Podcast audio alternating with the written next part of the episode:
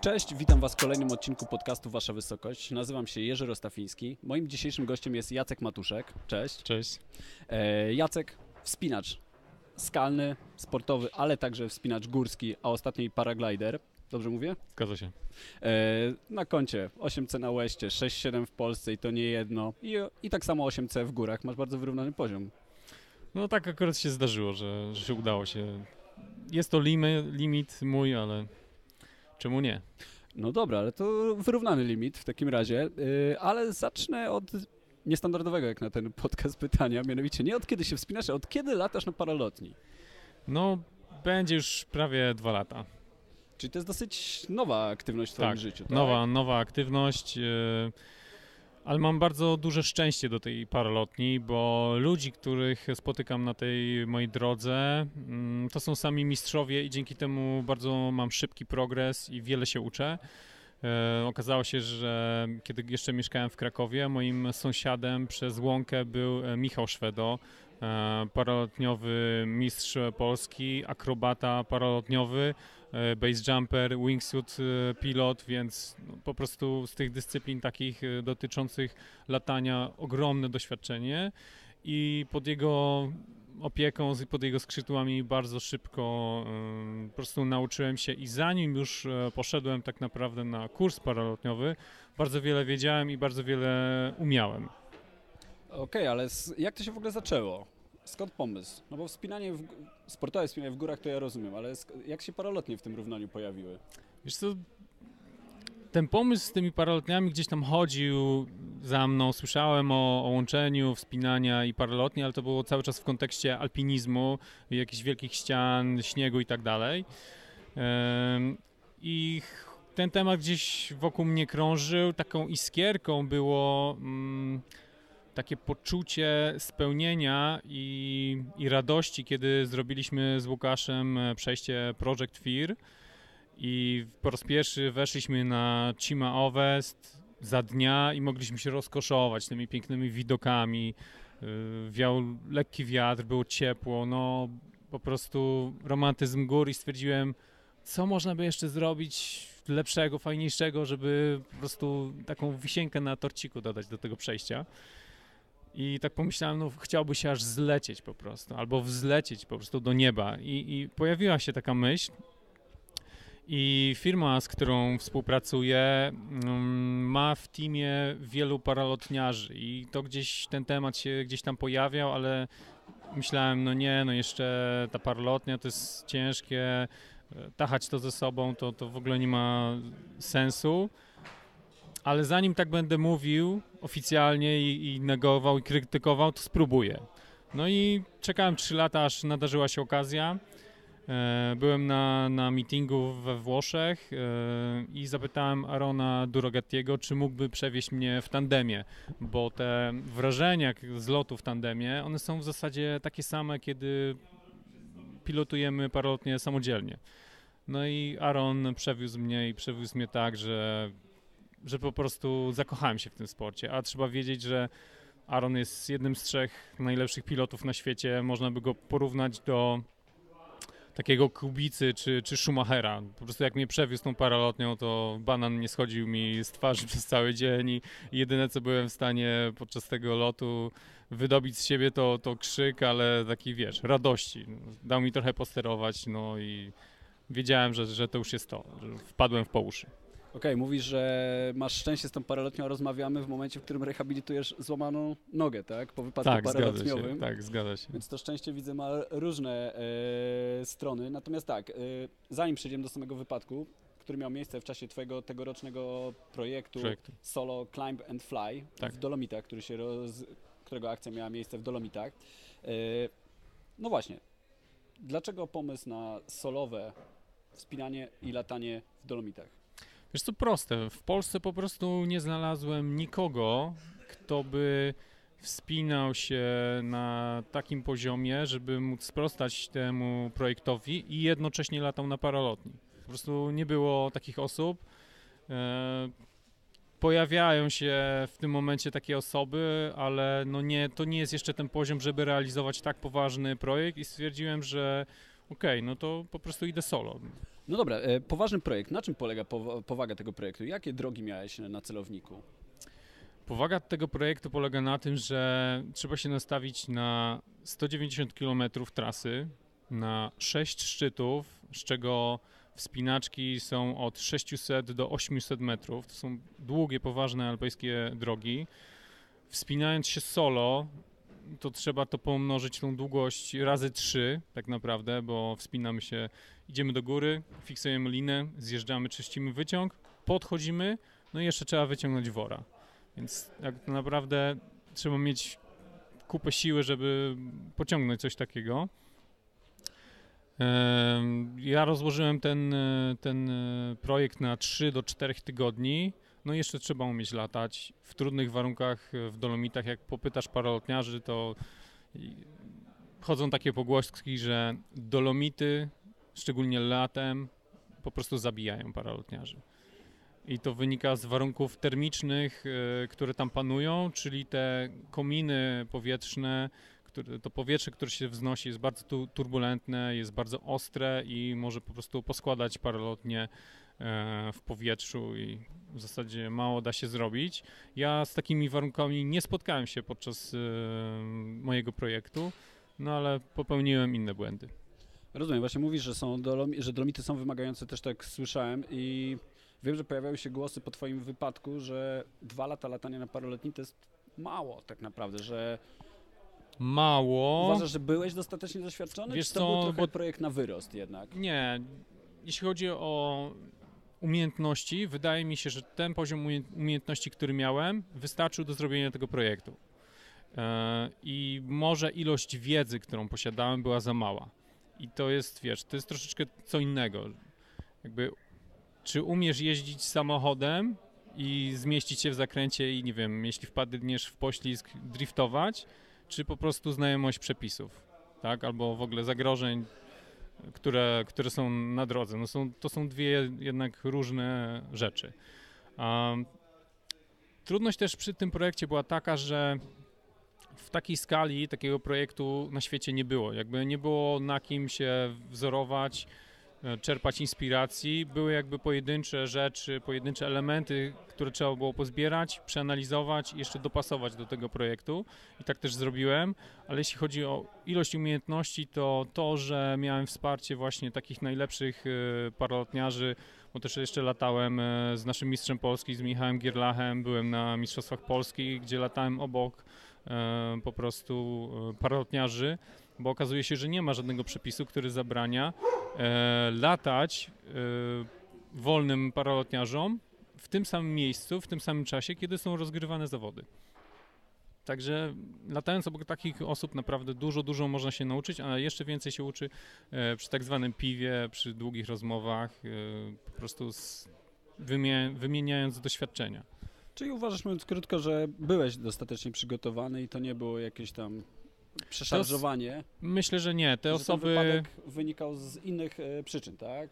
te osoby, które mówią mm, takie, mm, takie są głosy, wydaje mi się, że to wynika z tego, że generalnie progres paralotniarzy w, tam w pierwszym, w drugim, trzecim roku u takiego średniego paralotniarza jest dość mały, bo ci ludzie mają mało możliwości, żeby latać. Ja miałem te możliwości i naprawdę poświęciłem dużo czasu i tak jak mi e, znajomy Aaron właśnie wytłumaczył, że on e, kiedy zaczął latać w, pierwszym roku e, mieszkał tuż obok kolejki górskiej i codziennie po szkole zrobił 10 zlotów w dół, 10 dupozlotów i, i w ciągu roku zrobił ponad 1000. To się równa doświadczeniu niektórych pilotów z kilku lat. On to zrobił w jednym roku. Ja może, okej, tysiąca lotów nie oddałem, ale naprawdę wiele, wiele godzin spędziłem na ground handlingu, kilka, kilkadziesiąt, jeśli nie kilkaset i, i kilkadziesiąt godzin wylatałem i takie doświadczenie piloci zdobywają w 2-3 lata. Ja byłem to w stanie zrobić w rok. Właśnie, jeszcze wracając na moment, znaczy nie wracając, przechodząc na moment do tego, do twojego doświadczenia z twoich mediów społecznościowych, wiem, że rzeczywiście regularnie latasz w swoich okolicach. Gdzie mieszkasz, że masz takie warunki do latania? Wiesz co, kiedy realizowałem ten projekt, y, mieszkałem jeszcze w Krakowie.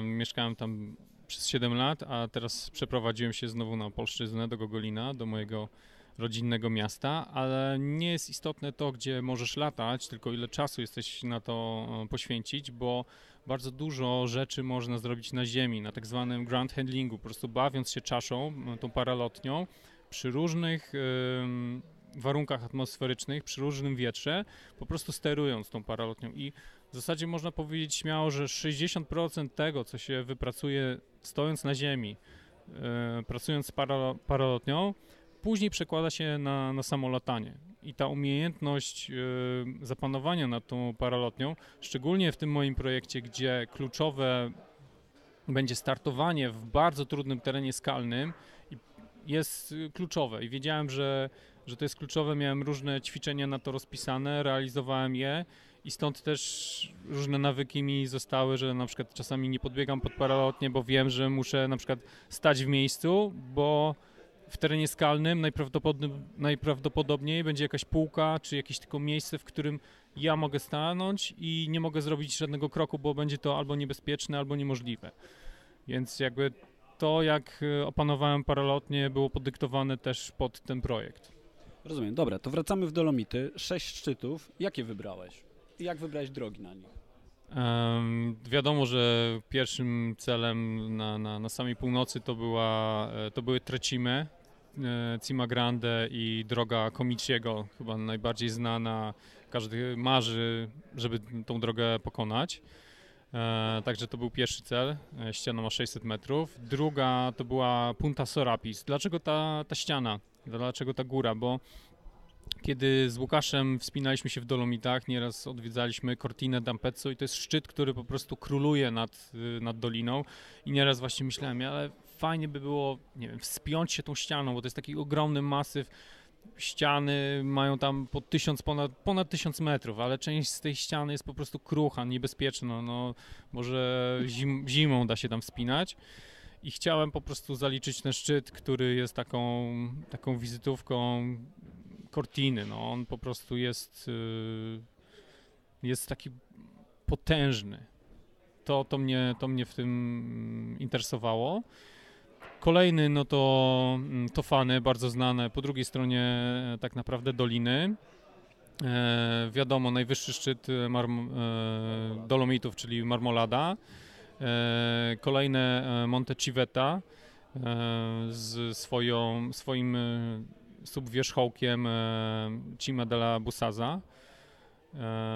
I stamtąd chciałem się skierować na taki płaskowyż, e, na Pal di San Martino i wspiąć się drogą Hermana Bula e, na Cima Piccola. Nie, może będzie trzeba wyciąć. E, jak trudne są te drogi, które sobie wybierałeś? To są drogi od między 6A a 7A.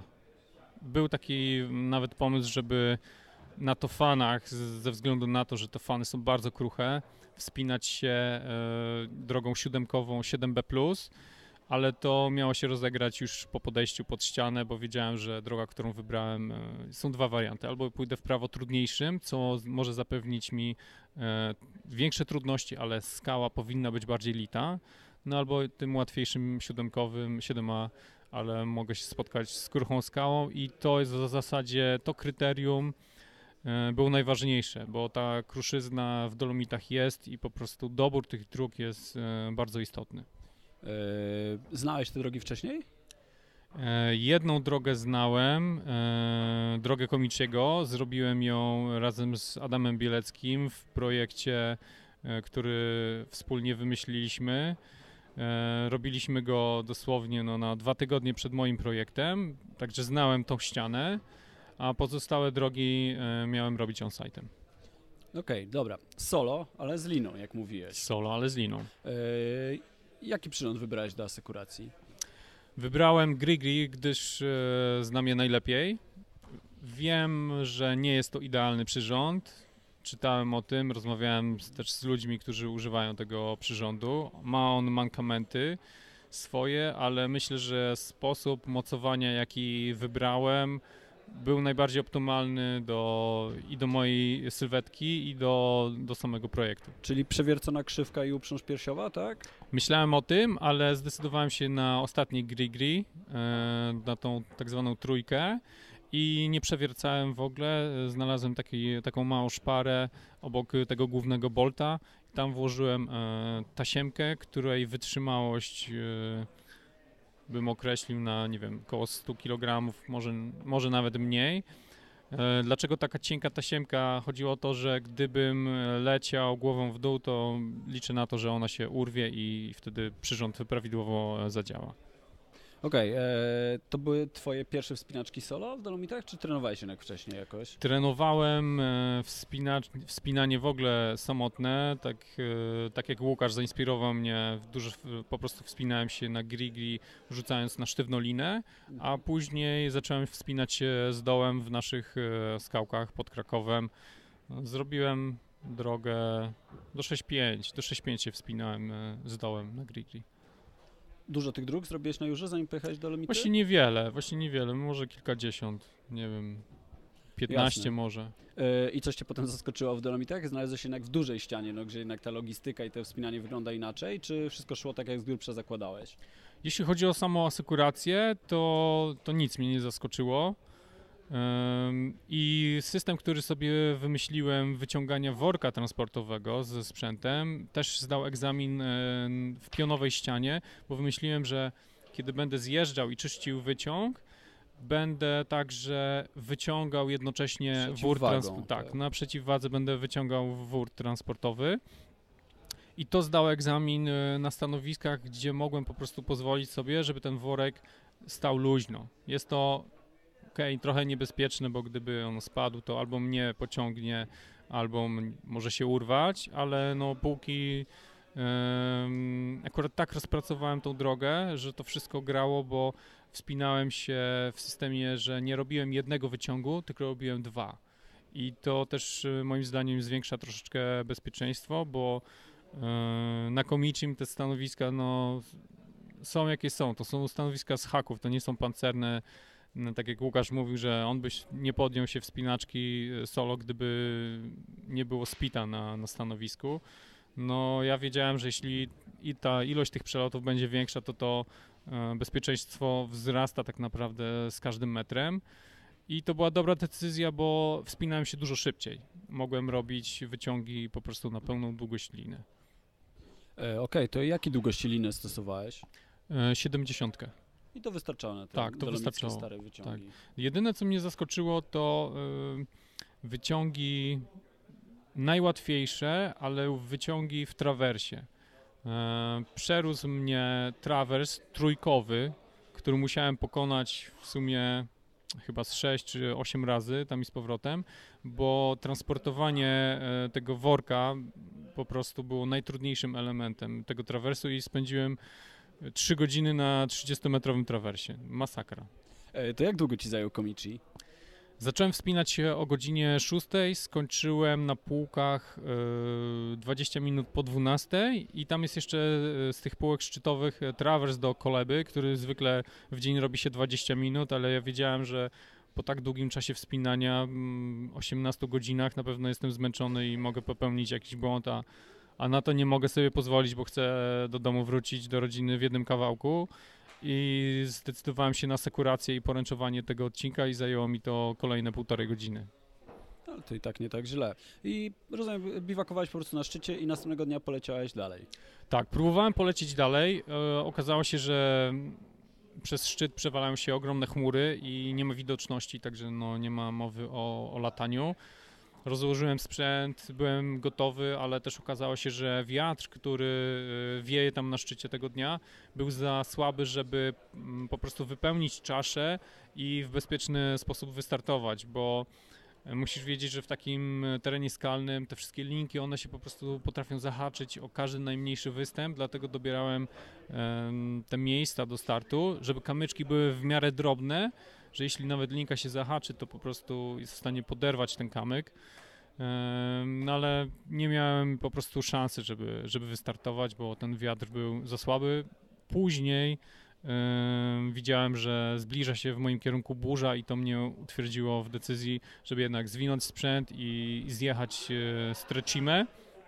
Ale to zostało nagrodzone pod koniec dnia, kiedy ta burza przeszła.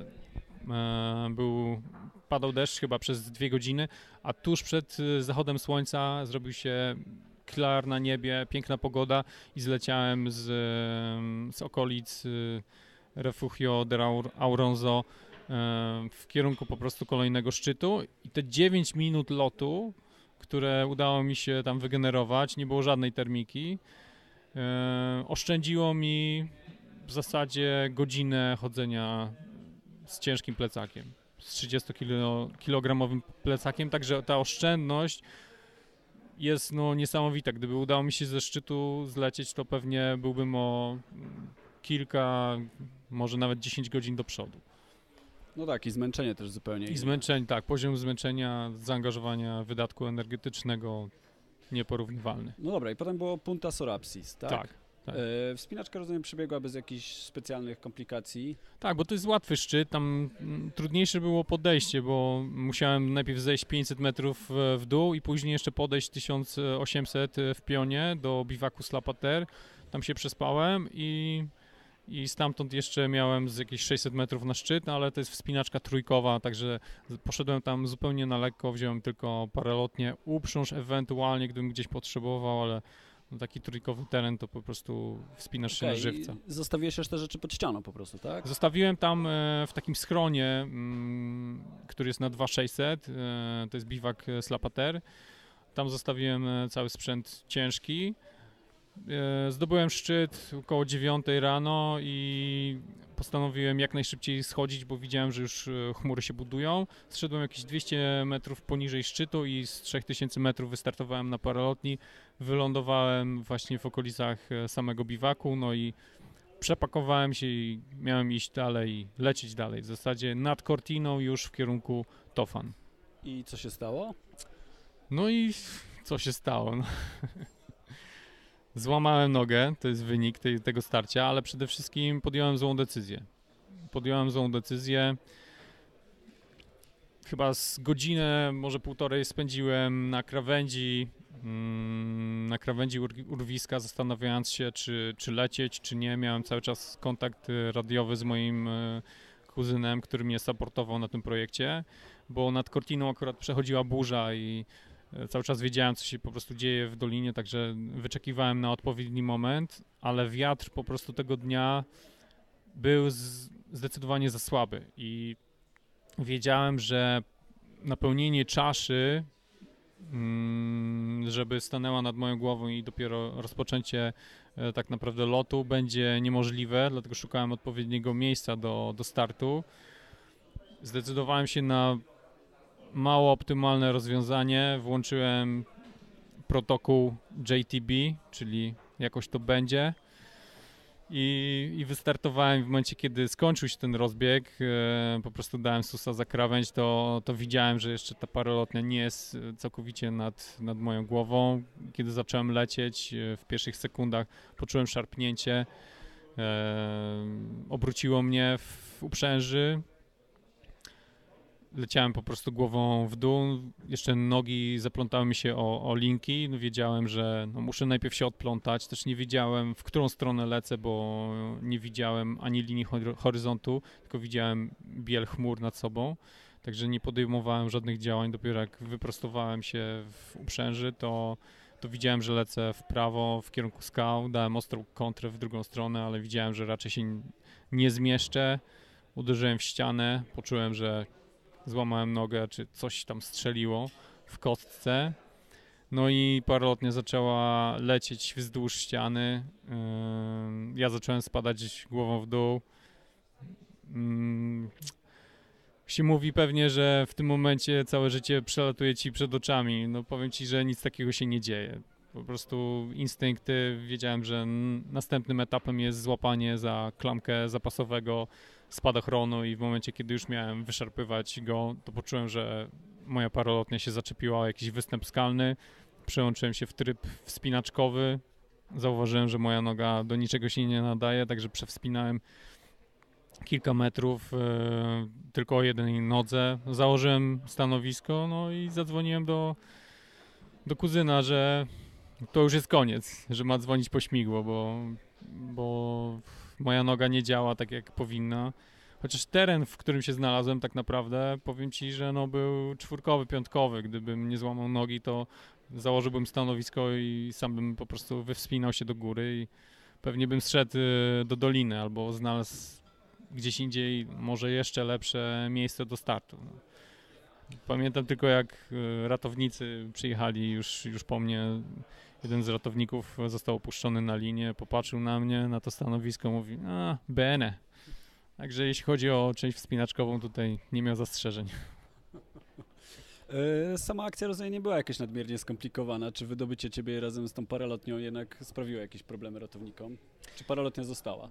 Nie, nie. z- Paralotnie zwinęliśmy do, do mojego holbega. Ja też e, wiedziałem, że w tym projekcie muszę być przygotowany na, na każdą możliwą rzecz, więc w ogóle jak leciałem w paralotni, to miałem na sobie uprząż wspinaczkową, miałem ląże, miałem ekspresy, miałem cały sprzęt po prostu pod ręką, więc jak tylko znalazłem się na ścianie, to momentalnie założyłem to, to stanowisko, co też e, z drugiej strony pomogło mi uniknąć złej dystrybucji masy y, y, na paralotni, bo część rzeczy oczywiście miałem w plecaku i to mnie przeważało, ale bardzo dużo miałem e, pod sobą i na sobie i dzięki temu ten środek ciężkości był optymalnie e, rozłożony. Też pracowałem nad tym, żeby żeby dojść do tego e, właśnie balansu pomiędzy tym, ile muszę rzeczy włożyć do samej uprzęży e, paralotniowej, a to, co znajdzie się w plecaku i w tym pomógł mi bardzo e, Paweł Faron, tej kłony, bo po prostu w ostatniej chwili jeszcze e, przerabiał moją uprząż, doszywał pewne elementy, także robiliśmy, robiliśmy tą uprząż na nowo i wiem, że jeśli wrócę do tego projektu, to na pewno z nową uprzężą, ale którą po prostu sam od początku do końca zaprojektuję. No właśnie, wracasz do tego projektu? Tak, na pewno wracam do tego projektu, bo bardzo mnie wkręcił ten, ten projekt. W ogóle łączenie latania i wspinania. Wydaje mi się, że to jest y, coś, w czym chciałbym się rozwijać i wydaje mi się, że w ogóle to jest kierunek rozwoju i wspinania i alpinizmu.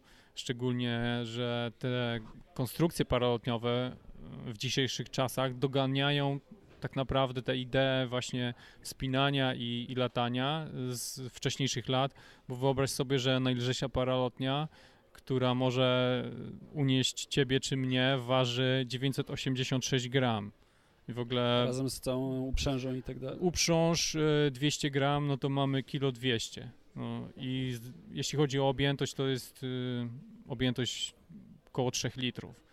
Więc kilogram włożyć do plecaka, mieć go w razie, gdy warunki będą sprzyjające, to jest naprawdę super sprawa.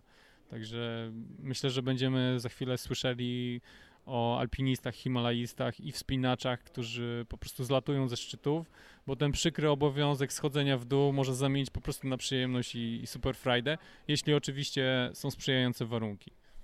No właśnie, e, a często są te warunki do latania w górach? Myślę, że zależy to od, od gór.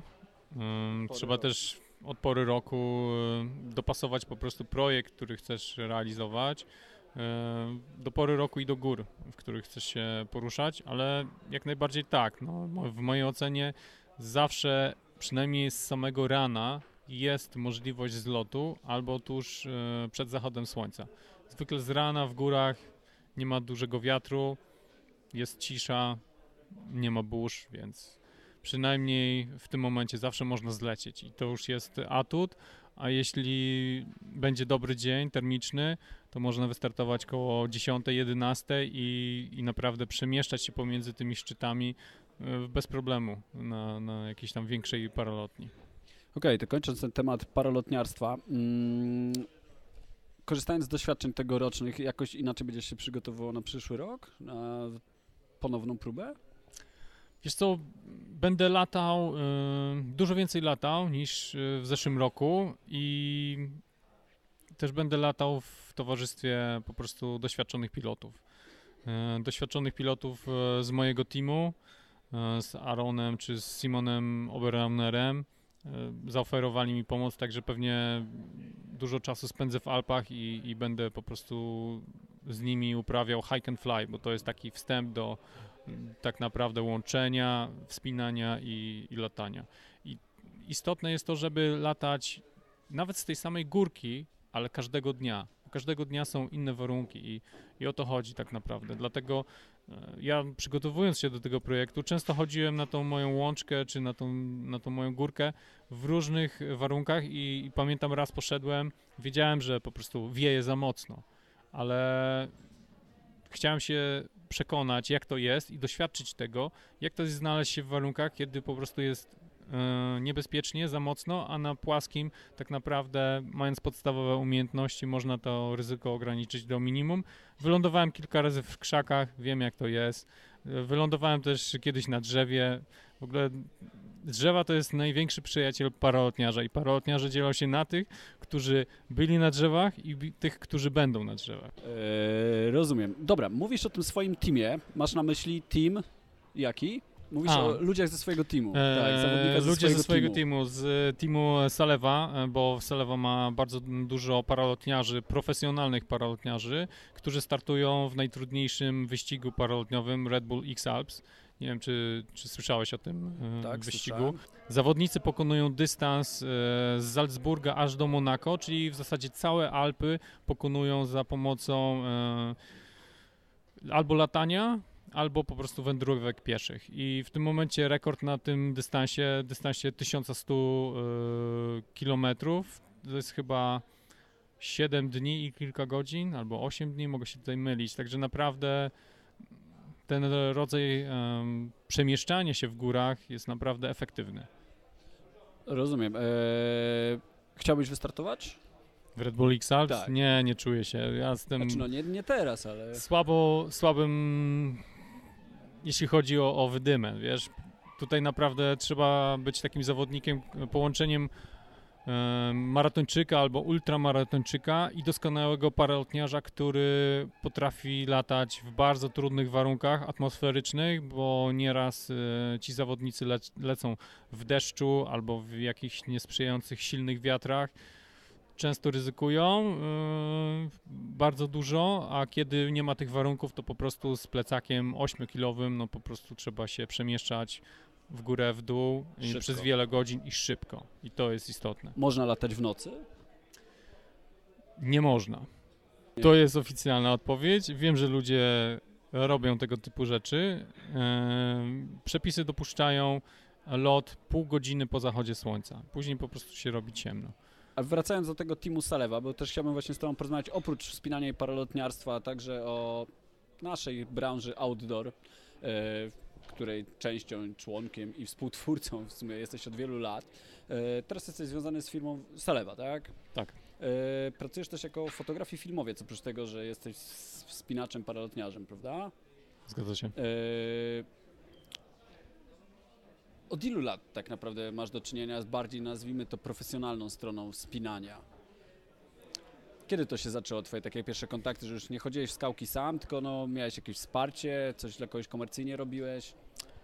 To się zaczęło mm, jakieś 6-7 lat temu, ale do dzisiaj mogę powiedzieć, że nie jestem profesjonalnym wspinaczem, przynajmniej na takim poziomie, na jakim bym chciał być. To znaczy, między Bogiem a prawdą, nie zarabiam na tym pieniędzy tak, żeby móc się całkowicie temu poświęcić. To jest mój cel, do tego dążę i jestem coraz bliżej, ale powiedzmy, jestem na pół etatu profesjonalnym alpinistą, a na pół etatu profesjonalnym filmowcem. E, właśnie, czyli rozumiem, że mówiąc, że chciałbyś być profesjonalnym wspinaczem, to że tylko byś się wspinał, nie robiąc już tych rzeczy dookoła, typu właśnie fotografowanie, filmowanie, e, czyli że realizując jakby te swoje projekty górskie, sportowe, mógłbyś tego się utrzymać, tak? Tak, dokładnie. To jest, to jest kierunek, który sobie wybrałem i, i go realizuję i widzę, że z roku na rok e, jest coraz bliżej. Czy wedle twojej wiedzy jest ktoś w Polsce, jest ktoś w Polsce, kto jest profesjonalnym wspinaczem, żyje tego, z tego wspinania tylko? Em, profesjonalnych wspinaczy wydaje mi się, że nie ma. Są profesjonalni himalaiści, I to ze względu na po prostu nośny temat i, i naszą historię, jeśli chodzi o himalaizm. Y, Himalaizm się dobrze sprzedaje w Polsce, jest duża rozpoznawalność tego sportu, a wspinanie wielkościanowe, czy w ogóle wspinanie dopiero raczkuje i, i tak naprawdę jest potencjał, ale trzeba jeszcze kilku lat, żeby, żeby ta rozpoznawalność tego sportu i, i jednocześnie pieniądze do tego sportu weszły. E, Myślisz, że olimpiada może to zmienić? Mam nadzieję, że tak. Na pewno e, jeśli chodzi o wspinaczkę sportową, to będzie duży przeskok. Zobaczymy, czy wspinanie utrzyma się na olimpiadzie. Trzymam za to kciuki. I to na pewno też wpłynie na rozpoznawalność e, wspinania górskiego alpinizmu w Polsce. Mm, Trzymam kciuki za to, żeby, żeby tak się stało. No już widzimy, że te, na przykład jeśli chodzi o obiekty sportowe, cały czas e, powstają nowe bulderownie, ściany wspinaczkowe i widać, że mm, rynek jest jeszcze w stanie wchłonąć nowe obiekty, więc jakby tutaj pole do popisu cały czas się zwiększa. Tak, też mi się wydaje, że jakby tych ludzi we wspinaniu przybywa, więc w związku z tym zwi- razem z nimi rośnie ten rynek, tak? No, budujemy ten rynek od podstaw, tak? Potrzeba nam wielu e, wspinaczy takich rekreacyjnych, żeby zbudować po prostu rozpoznawalność tego sportu. I, i jeśli ktoś jest e, wspinaczem albo profesjonalnym wspinaczem, himalajstą, ja widzę, że oni, ci ludzie powinni mieć taką misję, żeby dbać o, o ten sport, żeby jak najwięcej go było w mediach, żeby po prostu ogólnie pomóc środowisku, żeby za jakiś czas ten sport y, w Polsce był opłacalny, były większe pieniądze i naprawdę wybitne jednostki, y, czy olimpijczycy, których y, wiadomo mamy przynajmniej potencjał, żeby zaistnieli i mogli robić to profesjonalnie, bo jeśli nie będą robili tego profesjonalnie, to nie mają absolutnie szans y, konkurować z naszymi zachodnimi sąsiadami. To prawda. E, między innymi tym się próbujemy tutaj w tym podcaście zająć, budową rynku i świadomości i znajomości wspinania. E, a jak z Twoich wspomnień sprzed kilku lat wygląda branża właśnie wtedy, dzisiaj? Co się zmieniło? To jest trudne pytanie, zastanawiałem się nad tym. Hmm, myślę, że to jest pytanie bardziej takie mm, do, do osób, które zajmują się chyba sprzedażą outdo- outdoorową, bo jeśli chodzi o samo wspinanie, no to widzę rozwój, e, tak jak mówiłem, ścian wspinaczkowych, jest większa świadomość e, wśród wspinaczy, jeśli chodzi o sam trening. A jeśli chodzi o branżę, czy jest więcej w niej pieniędzy i, i zleceń, to powiedziałbym, że, że nie, że jest jakaś taka stagnacja. Jeśli przyrównuję i patrzę na, na rynek zachodni, to na przykład e, rynek filmu czy fotografii outdoorowej w Polsce nie istnieje. Nie ma czegoś takiego. Nie ma rynku. Są pojedyncze zlecenia. No właśnie, bo do niedawna tak naprawdę sponsoring na przykład w Polsce wyglądał na tym, że ktoś dawał komuś parę butów i może spodenki do tego. I to się nazywało szumnie sponsoringiem, prawda? I dalej to niestety tak wygląda. No właśnie, czyli mimo tego rozwoju, mimo tego przyrastających e, ilości ludzi, którzy się wspinają na skałach, na ściankach, ilości ludzi, którzy chodzą po górach, no przecież to jest naprawdę sport masowy na takim poziomie turystycznym. Nadal nic tutaj nie widzisz, żadnych jakichś specjalnych zmian w rodzimej. Turystycznie tak, jakby turystyka to jest, y, to jest duży potencjał. Y, Nie nazwałbym tego odłamem wspinania, ale gdzieś jakimś tam pokrewnym, pokrewną aktywnością i tam jest duży potencjał i, i to się cały czas rozwija. Narciarstwo też e, w Polsce to jest bardzo grupa duża e, odbiorców. I chyba właśnie trzeba celować, iść w tym kierunku, y, żeby te grupy jakoś przyciągnąć do wspinania, bo chyba najłatwiej je po prostu pozyskać i, i zbudować wśród tych ludzi świadomość i może za tym e, pójdzie profesjonalny sponsoring, a nie tylko po prostu wsparcie sprzętowe.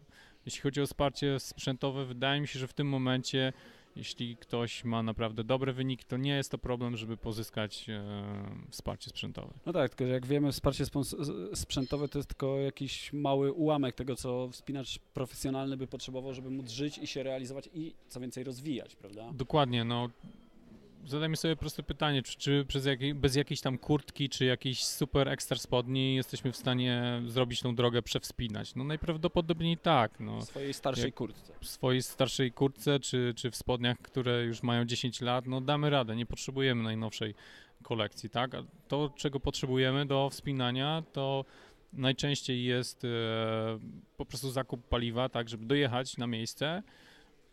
E, jeść każdy musi, no a jeśli nas nie ma w domu, to nie zarabiamy, więc y, chodzi o już takie wsparcie profesjonalne, gdzie po prostu tymi pieniędzmi możemy zapłacić własne rachunki, bo każdy ma w domu jakieś zobowiązania.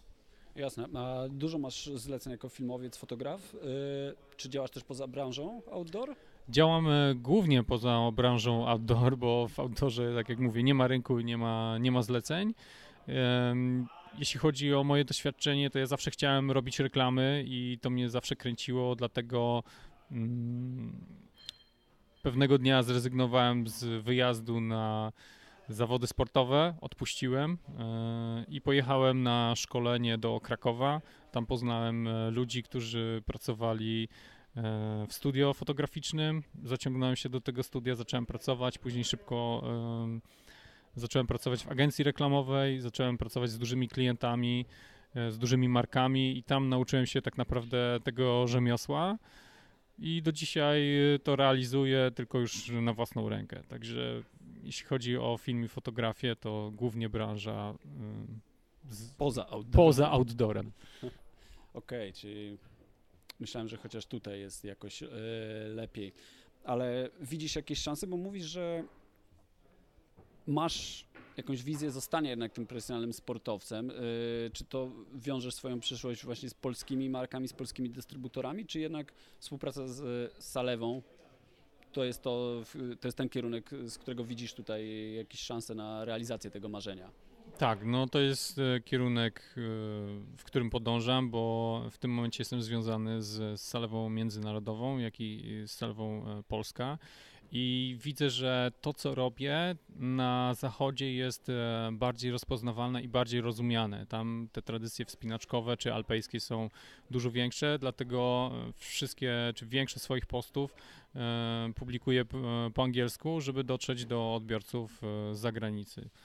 Także to jest, to jest mój kierunek. No, pewnie nie ma jakiejś recepty, albo przynajmniej ja jeszcze nie znam, jak stać się profesjonalnym wspinaczem. Na pewno też trzeba mm, łączyć to z jakimiś innymi aktywnościami i, i zawodową aktywnością. Często ci wspinacze, których znam, są albo przewodnikami górskimi, albo instruktorami, więc mało chyba jest takich zawodników, jeśli chodzi o wspinanie, którzy tylko żyją ze sponsoringu. Na pewno trzeba to w jakiś sposób łączyć z górami. Wiadomo, że na, na, na zachodzie jest troszeczkę łatwiej, ale pytanie, czy, czy chcemy tam mieszkać na, Właśnie, na chciałbyś się zachodzie? przeprowadzić, nie wiem, do Włoch? Myślałem o tym, żeby się przeprowadzić, ale musiałbym to zrobić w taki umiejętny sposób, żeby mieć tam też pracę. Żeby to nie było po prostu postawienie życia na, na jedną kartę i z pewnością nie chciałbym się tam przeprowadzić na stałe. Rozumiem. E, Posłuchaj, a propos wybierania Polski, takiego e, patriotycznego tutaj nurtu, e, mam do Ciebie bardzo poważne pytanie. Chciałbyś pojechać na wyprawę zimową na K2, jakbyś miał taką możliwość? Narodową wyprawę zimową. na Narodową, ale brzmi. Nie, bo to nie jest moja broszka, wiesz. Em, K2. Nie, tak, tak poważnie, jest- góry wyższe też Cię interesują? Interesują mnie wysokie góry, ale tam, gdzie nie ma śniegu, gdzie można się wspinać po skale. To jest, y, to jest to, co mnie interesuje. Jednak jestem wspinaczem skalnym i lubię czuć y, skałę pod palcami. Jeśli muszę używać jakichś narzędzi, które mnie separują od tej skały, to, to, to nie jest to. E, Szanuję bardzo to, co robią chłopaki. To jest naprawdę wielkie poświęcenie i, i duży wysiłek. I jakby w skali świata to jest też naprawdę wielkie osiągnięcie, jeśli uda im się wejść e, zimą na, na K2, ale to jest po prostu no, nie moja bajka. Widzę e, dużo, wiele fajnych celów w skałach, e, trudnych, także w Himalajach, które jak to mówił Janusz Gołąb, są problemami z przyszłości i, i tak naprawdę dopiero wspinacze chyba zabiorą się za realizację tych celów, także trzymam kciuki za chłopaków, żeby jak najszybciej tą K2 odhaczyli, bo jest jeszcze dużo, dużo do zrobienia e, w górach. Zresztą, jak tak patrzę na te moje drogi, które zrobiłem do tej pory, to powiem Ci, że to jest wielka frajda wspinać się w takim terenie, w którym wiesz, że byłem tylko ja i mój partner, albo może jeszcze jeden zespół na świecie, a nie tak jak na Everestie, gdzie szczyt zdobywa kilkaset osób y, rocznie, albo stoisz w kolejce do zdobycia szczytu. No, także tych celów y, wspinaczkowych jest dużo więcej i myślę, że mądrze wybierając można dotrzeć na tak naprawdę swój Everest i, i być w tych y, górach y, sam na sam i Czyli ten walor eksploracji też ma dla ciebie znaczenie Tak. przy wyborze dróg? Tak, coraz bardziej i mm, chciałbym się poświęcić właśnie eksploracji w najbliższych latach i moje projekty, mm, które zamierzam realizować w najbliższym czasie właśnie mają zawsze charakter eksploracyjny i chcę też łączyć właśnie wspinanie i latanie, bo wydaje mi się, że jest tutaj duży potencjał. I dobra zabawa. Wyśmienita. Dobra, to posłuchaj, życzę Ci powodzenia w takim razie w realizacji celów. E, bardzo Ci dziękuję za rozmowę. Dziękuję za zaproszenie. E, dziękujemy też Boulderowni Volt za goszczenie nas tutaj. Dzięki. I w takim razie do zobaczenia w następnym odcinku.